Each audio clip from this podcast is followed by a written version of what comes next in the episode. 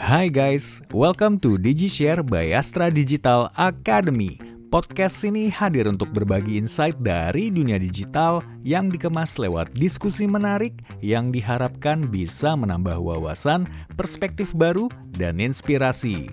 Dalam episode ke-27 ini, kita akan mendengarkan diskusi mengenai pentingnya riset dalam membangun brand dan produk yang kuat bersama Kuni Azizah, Consumer Research Analytic Astra Digital, dan Dipan Karasuryadi, Senior Research Manager at Cadence International. Biar nggak penasaran, let's hear them out.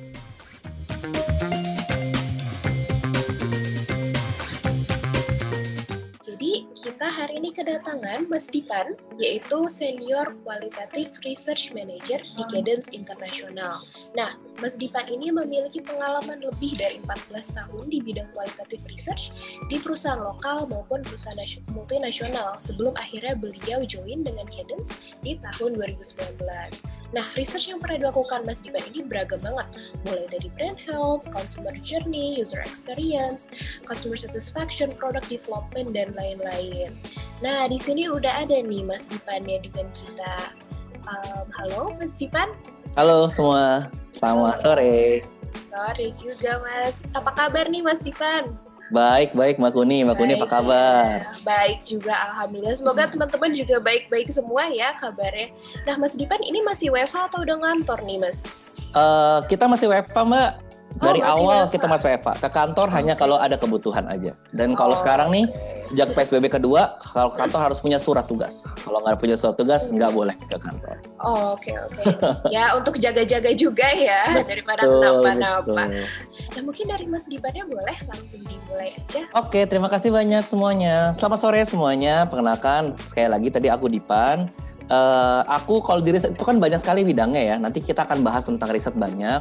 Cuman kalau aku itu banyaknya lamanya pengalamannya di kualitatif. Yang pertama adalah a glimpse of research in general. Jadi sebenarnya kalau riset itu menurut aku adalah menggabungkan antara clients dan consumers. Clients itu apa sih? Clients atau users ya? Kalau di sini misalnya Mbak Kuni adalah bagian dari tim riset atau teman-teman juga ada bagian dari tim riset, itu biasanya adalah ngurusin users itu requestnya apa. Jadi eh, apa sih kebutuhannya klien atau users itu ada dari dari tim marketing, ada tim brand, ada bisnis gitu ya, ada new product development dan lain-lain. Pernah juga kita ngerjain misalnya untuk eh, bagian HR gitu, tergantung sesuai dengan kebutuhannya masing-masing.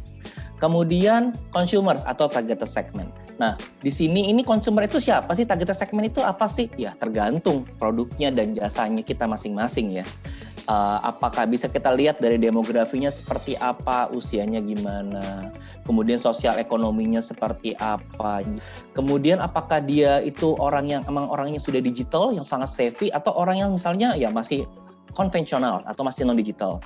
Kemudian attitude towards certain behavior juga dan juga misalnya ada user dari spesifik produk. Misalnya kalau kita ngomongin soal uh, Digital ya orang-orang yang pakai misalnya cari parkir gitu kan. Kemudian kalau misalnya kita ketemu sama orang-orang yang di industri otomotif ya berarti kan ini adalah orang yang menggunakan brand kita atau mungkin lebih spesifik lagi orang yang menggunakan Toyota Innova atau orang yang menggunakan Honda Beat gitu kan. Oke, kemudian ada juga nggak cuma clients produk, tapi juga competitors produk. Kita bisa juga paham bagaimana misalnya kita untuk bisa nge-grab nih, gimana cara bisa bikin switch orang dari yang tadi dia pakai Honda pindah ke Toyota. Uh, gimana caranya kita mempelajari apa sih sebenarnya uh, barriernya mereka supaya mereka tuh akhirnya bisa mau pakai produk kita. Dan juga ada namanya psychographic. Nah, psychographic ini sebenarnya adalah ngelihat bagaimana lifestyle-nya orang. Jadi riset itu apa sih? Nah, riset itu di tengah. Jadi riset itu pertama adalah dia translating. Translating apa sih? Uh, menerjemahkan apa yang jadi kebutuhannya uh, klien dalam hal informasi, uh, pertanyaan ya, kemudian insight atau kondisi, dan kemudian ditranslate dalam set of modules gitu, dalam pertanyaan-pertanyaan, dalam questionnaires yang kemudian kita akan tanyakan pada spesifik target. Nah, kemudian hasilnya bagaimana? Hasilnya kita kita translate balik, kita interpreting balik dari apa yang consumer katakan, insight-nya kita dapat, jawaban mereka, feedback-feedbacknya, itu kita buat jadi suatu yang important, jadi insight yang penting, jadi findings yang penting untuk kita kembalikan lagi di kacamatanya klien atau users kita. Kemudian nih ada pertanyaan biasanya ya, research gitu kan, buat apa sih buang-buang uang aja ah biasa itu kalau misalnya kita mau bikin riset tuh pasti dipertanyakan tuh sama orang finance kita atau sama bos kita, seberapa perlu sih riset itu? Jadi eh, ini aku coba menjawab sebenarnya riset tuh nggak nggak cuma buang-buang uang aja sih sebenarnya ya. Riset itu banyak manfaatnya. Yang pertama adalah riset itu adalah portraying current conditions uh, untuk bisa tahu proyeksi kita ke depannya gimana bisnis kita ke depannya. Jadi uh, kita ngelihat bagaimana sih kondisi sekarang itu adalah orang-orang mandang produk-produk kita, brand-brand kita kayak gimana sih? Apakah masih positif sebelum-sebelumnya? Apakah masih misalnya Honda masih dianggap yang terbaik dan yang paling ngirit misalnya?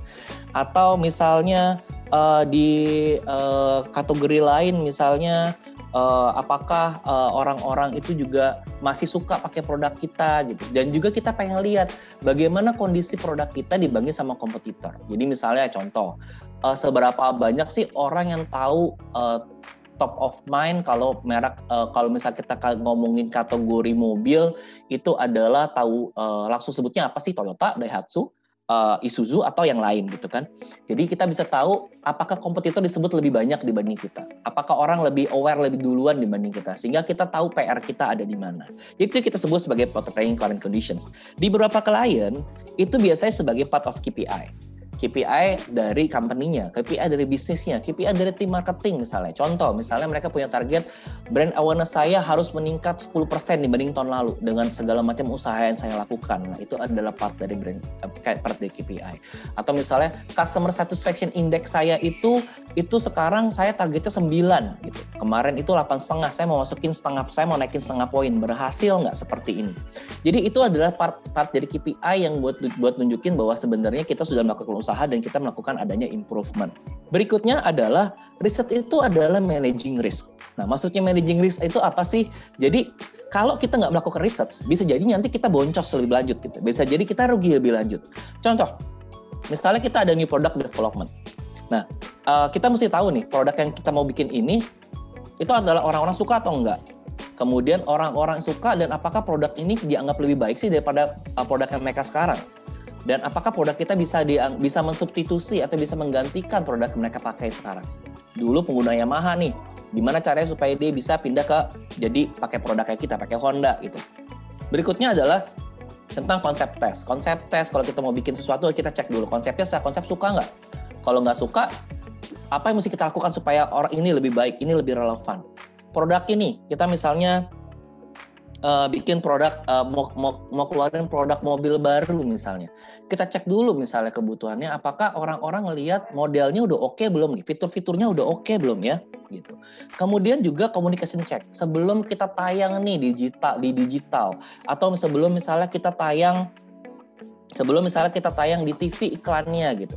Nah, kalau kita uh, investasikan biaya begitu besar, kalau ternyata iklan kita nggak dipahamin seperti bagaimana? Kalau ternyata iklan kita tidak menarik bagaimana? Jadi memang itu adalah salah satu gunanya riset. Itu juga untuk manajemen risk. Berikutnya adalah new opportunity. Nah, jadi kalau bisnisnya kita seperti ini aja pasti ada saatnya nanti kita stagnan. Nah, riset itu dengan kita memahami konsumen, kita bisa tahu new opportunity-nya. Kita bisa stretch brand ke arah mana, kita bisa stretch produk ke arah mana, kita bisa stretch kategori ke arah mana, kita bisa mencari what spaces gitu ya. Jadi apa sih yang sekarang jadi kebutuhannya konsumen, tapi sekarang tapi saat ini belum banyak digunakan oleh orang lain. Kemudian juga kita bisa cari new business, new approach, atau new features. Misalnya kalau kita uh, ngomongin soal perusahaan yang tech based kayak seperti Astan Digital. Berikutnya, kapan sih butuh research? Mungkin teman-teman udah familiar juga dengan namanya konsep uh, product life cycle atau brand life cycle. Jadi biasanya di sini pada saat kita baru launch, kita akan terus naik, kita posisinya ada growth, kemudian nanti kita mature, dan lama-lama kita decline. Nah, pertanyaannya adalah kapan sih kita butuh research? Jawabannya adalah di semua tempat sebenarnya. Jadi di bagian awal misalnya pada saat development, kita butuh riset nih pertama kali, kita mesti tahu sizingnya. Ini kuenya ada nggak sih buat kita melakukan riset? Ini ada cuannya nggak sih di sana gitu ya? Kemudian kita cek user, attitude, and image. Kita pengen lihat setelah itu, oke, okay, jadi yang di market ini uh, ada brand apa aja, mereka penggunaannya seperti apa, orang positif atau enggak sih sama mereka, terus image-nya seperti apa ya gitu ya. ada namanya segmentation, targeting, sama positioning. Setelah kita lihat kondisinya pasar seperti apa, akhirnya kita bikin, oke, okay, kita pengen uh, target, pengen tahu deh segmennya ada apa aja sih. Kemudian dari situ kita target yang mana yang jadi target kita. Uh, setelah itu kita cari tahu, oke okay, dengan tertargetkan ini kita harus memposisikan produk atau brand kita seperti apa ya produk maupun misalnya kalau untuk pack test atau UX test atau logo atau brand name test bahkan kadang-kadang juga kita pernah melakukan itu untuk ngecek apakah namanya sesuai atau tidak gitu ya. Kemudian berikutnya adalah monitoring. Nah, di saat di sini nih pada saat kita udah mulai tumbuh dan kita masih menuju ke maturity, kita terus harus terus monitoring. Apa sih monitoring adalah brand performance study kita seperti apa. Balik lagi ya, kalau teman-teman juga pasti monitoring internally ya, bahwa kita bisa bisa ngelihat gimana sih salesnya sekarang ini, uh, penjualan naik berapa persen gitu kan, volumenya naik berapa persen. Nah, selain yang data internal ya, kita juga ada kan sebenarnya di research gitu. Mungkin teman-teman kenal istilah namanya brand health atau brand equity.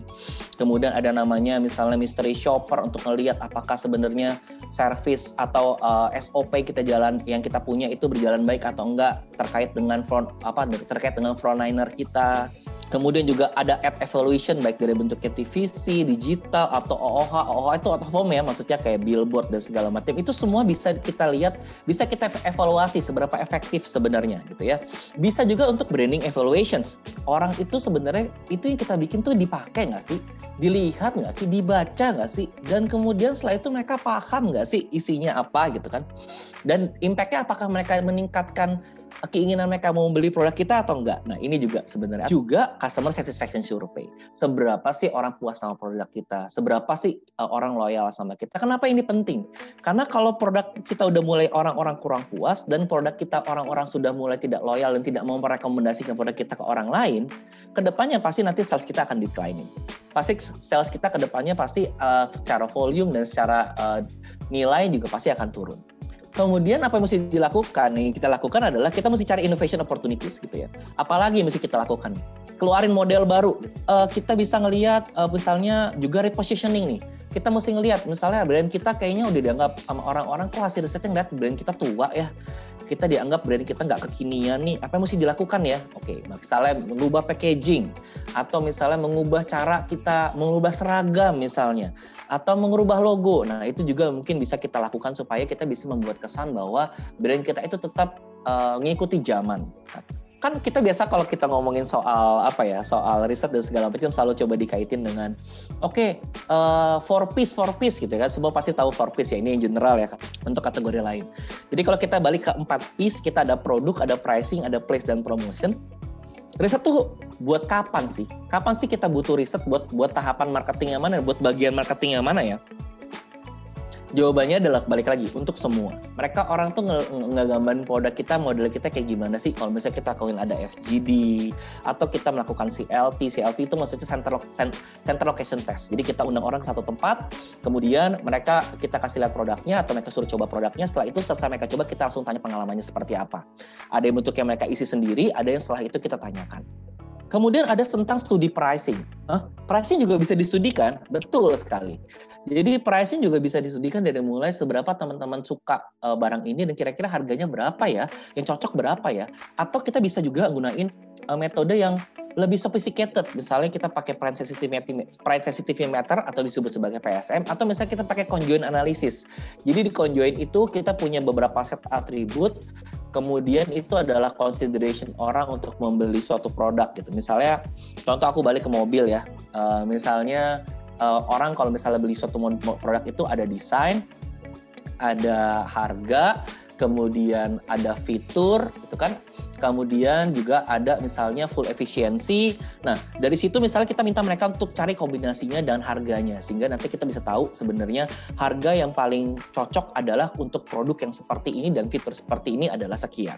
Berikutnya adalah place. Nah, place itu terkait dengan distribution. Jadi kita bisa ngelihat paling paling paling efektif route-nya untuk ke bisa kita sampai ke target segmen gimana ya. Uh, kayaknya segmen ini misalnya contoh segmen yang kira-kira bakal suka produk kita nih, misalnya kalau kita misalnya ngomong full wheel drive buat mobil gitu, itu kayaknya banyaknya di Kalimantan deh, emang banyak kebutuhannya misalnya untuk uh, untuk uh, pertambangan dan segala macam. Jadi ya mungkin kita kalau emang mau memasakkan four, four wheel drive ya mungkin ke sana misalnya. Berikutnya adalah tentang promotions. Nah, promotion ini juga penting banget. Seperti yang tadi dibilang ya, kita juga mesti bisa lihat sebenarnya, kita juga bisa melakukan riset sebelum pre-test dan post-test. Jadi pre-testnya itu adalah mengetahui seberapa orang-orang paham atau enggak, apa yang mesti di-improve, dan juga setelah itu post-testnya adalah oke okay, orang-orang yang tahu atau orang-orang yang sudah ngelihat mereka aware atau enggak. Berapa banyak yang aware? Kalau aware mereka uh, pahaminya apa gitu kan ya. Jadi ini kita masuk sebagai impact terhadap uh, promosi itu terhadap consumer purchase journey. Lanjut ke berikutnya. Nah, uh, salah satu uh, yang mungkin teman-teman sering pernah dengar uh, adalah orang suka sebut STP, STP gitu. Itu adalah segmenting targeting positioning. Kalau di kita di Cadence adalah kita melakukan seperti ini. Pertama adalah segmen kita editif editif dulu segmennya seperti apa nih. Biasanya kita mulai dengan kualitatif, kemudian kita cari tahu orang itu seperti apa, aspirasinya, needs-nya apa, kemudian uh, behavior-nya seperti apa, kemudian juga persepsinya terhadap brand-brand termasuk brand kita tuh seperti apa. Kemudian outputnya adalah nanti kita bisa dapat comprehensive understanding tentang uh, beberapa habit dan juga eksplorasi uh, terhadap uh, gimana cara kita bisa mendekati si target segmen ini. Setelah dari dapat segmennya, setelah itu kita akan lakukan quantitative validation di sini di targeting. Jadi di sini kita ngelakuin kuantitatif nih, kita cari uh, segmen-segmennya. Misalnya ada tujuh segmen, segmennya itu yang paling besar kuenya yang mana ya? Yang paling cocok dengan produk yang kita punya itu yang mana ya? Yang sekarang udah jadi segmen kita yang mana dan segmen mana yang mau kita yang mau kita hajar lebih lanjut nih gitu ya. Nah, itu yang kita sebut sebagai quantitative validation dan market sizing. Nah, di sini Nanti kita akan ada profilnya dari masing-masing segmennya seperti apa. Nah, selanjutnya positioning nih. Dari hasil-hasil segmen targeting dan positioning, kita udah dapat ya dari targeting, kita udah dapat targetnya yang mana nih. Nah, biasanya kita ada di workshop. Di workshop itu nanti kita akan kolaborasi nih semuanya ya, dari sisi marketing, dari sisi produk, dari sisi bisnis, kemudian dari sisi operations, dan juga misalnya dari sisi advertising agency-nya itu untuk misalnya mendapatkan oke okay, target yang ini sebaiknya kita kasih produk yang positioningnya seperti ini supaya nanti kita uh, kita bisa lebih mendapatkan hati mereka. Communication-nya kayak gimana kata-kata yang tepat ya? Kira-kira idenya apa yang bisa dibentuk yang bisa kita lakukan untuk uh, segmen yang seperti ini uh, aku lanjut ke tipe research. Nah, jadi tipe research itu jadi bisa macam-macam ya. Jadi yang pertama adalah kalau berdasarkan metodologinya nih. Yang pertama ada kuantitatif dan kualitatif. Nah, kuantitatif nih, mungkin teman-teman yang pernah ada lakukan riset pada dengar kali ya, F2F atau face to face interview. Ada CLT tadi, center, center location test. Ada CATI, CATI itu adalah computer assisted telephone interview. Jadi teleponnya pakai kantor gitu ya, jadi kayak tele telesel, cuman itu buat research. Kemudian juga ada CAPI ya, computer assisted uh, uh, intinya CAPI itu adalah uh, ini uh, menggunakan tablet atau menggunakan laptop, jadi langsung bisa hasilnya keluar saat itu juga. Jadi kita tidak menggunakan lagi pen and paper. Kemudian ada kualitatif. Di kualitatif itu kita ada FGD atau focus group discussion, ada IDI atau in-depth interview, kemudian ada home visit. Home visit itu kita datang kunjungin ke rumah orangnya. IDI itu adalah kita ngobrol satu sama satu. Kalau FGD itu kita seperti gambar ini kita ngobrol kurang lebih ada enam orang dan ada moderator di situ. Atau semi etnografi nih. Jadi kita ngikutin responden kita, kemudian setelah itu kita bagaimana dia menggunakan produk kita, kita observasi, kita amati, setelah itu uh, kita baru tanya-tanya seperti apa. Oke, okay, jadi kalau kuantitatif itu ada tujuannya dalam mengukur, karena namanya mengukur nanti hasilnya semua pasti dalam bentuknya angka. Sementara kualitatif itu adalah exploration, exploration, kemudian identify, jadi sifatnya itu lebih uh, ujung-ujungnya itu biasanya bukan angka tapi sifatnya adalah ujung-ujungnya itu adalah berupa kata-kata gitu ya. Berupa interpretasi dari uh, dari kata-kata atau dari customer voice kita ngomong ke dalamnya nih apa sih isinya Nah, kalau tadi ya balik lagi ya, kalau kuantitatif itu biasanya sampelnya lebih besar, kalau kualitatif sampelnya lebih sedikit. Dan biasa sampelnya itu udah purposif, kita cari orang yang dia itu artikulatif. Kalau ini biasanya kuesionernya tuh udah terstruktur gitu ya, udah fix. Kalau yang kualitatif biasanya kita ngobrol santai aja nih, gitu ya. Tapi pada prakteknya seperti apa sih? Pada prakteknya sebenarnya the best way adalah biasa di Cadence kita kita sarankan klien-klien kita untuk menggunakan kombinasi. Jadi mulai dari kuantitatif dulu lanjutan dan kualitatif. Jadi dapat angkanya terus kita cari tahu alasannya kenapa ya? Orang kasih angka ini alasannya kenapa sih? Konteksnya seperti apa ya? Kemudian combination berikutnya adalah kualitatif dulu baru kuantitatif kita explore dulu. Kemudian hasil-hasil dari yang kuanti kualitatif itu kita cari angkanya seperti apa? Percentage orang yang ngomong seperti ini seberapa banyak ya? Atau kita bisa tiga stage kita kual dulu untuk explore kemudian kuan kita quantify kemudian unique findings dari kuanti kita deep dive lagi di kualitatif berikutnya Kemudian ada beberapa tipe riset lainnya. Misalnya teman-teman mungkin sudah familiar dengan UI UX. Ini adalah untuk cari tahu bagaimana sih suatu aplikasi di benaknya konsumen, apakah user friendly, kemudian bagaimana komponen-komponen di dalamnya, step-stepnya mudah atau tidak.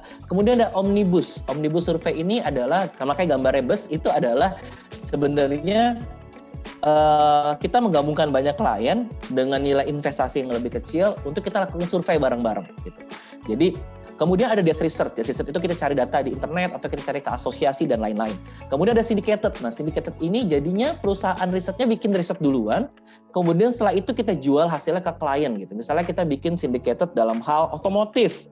Nah, uh, bagaimana perkembangan konsumen saat ini dan segala macam. Kemudian kita jual ke perusahaan otomotif, mereka bayar yang biasa bentuknya buku. Kemudian ada marketing intelligence itu adalah melihat, mencari tahu uh, misalnya kompetitor lagi ngapain ya, harganya komputer gimana ya. Jadi gimana kita bisa dapetin hal-hal yang uh, sepertinya agak sulit didapatkan kalau uh, kita hanya menggunakan riset biasa. Kemudian untuk berdasarkan needs-nya nih ya, ini aku singkat aja, ada yang namanya ad hoc, ada yang namanya tracking. Tracking itu bisa juga internal data, bisa juga riset ke konsumen. Itu biasanya, uh, ini biasanya tadi balik lagi, relate ke, ke, ke KPI-nya company ya, terkait dengan marketing, communication atau branding gitu kan. Uh, kemudian juga uh, ini biasanya tadi mempotret current conditionnya seperti apa supaya nanti kita bisa lihat perusahaan kita bisa sustain atau enggak. Sementara ad hoc itu adalah pada saat ada certain condition kita butuh suatu riset. Contoh misalnya kita mau bikin produk baru, kita mau bikin communications baru. Juga certain issue in certain area atau certain condition. Misalnya dari tracking kita ngelihat nih, kok ternyata brand awareness kita turun nih di daerah Sumatera, ada apa ya? Jadi kita cari tahu ke sana. Kenapa itu turun? Terus budgetnya gimana ya? Nah, riset itu tergantung objektifnya sangat-sangat custom. Jadi sebenarnya nggak ada yang ajak ya. Tergantung kategorinya nih. Misalnya contoh, kalau misalnya kita ngomongin uh, semua produk mobilnya Astra gitu, itu pasti mungkin sampelnya besar karena kan ada kebutuhan kita pengen lihat Daihatsu user seperti apa, Toyota user seperti apa, Isuzu user seperti apa. Kemudian expected outputnya gitu ya. Apa yang apa sih sebenarnya pengen dicari UNE aja. Kalau terlalu banyak juga nggak bisa kita tanyakan semua ke konsumen sehingga kita mesti bagi-bagi panel-panelnya.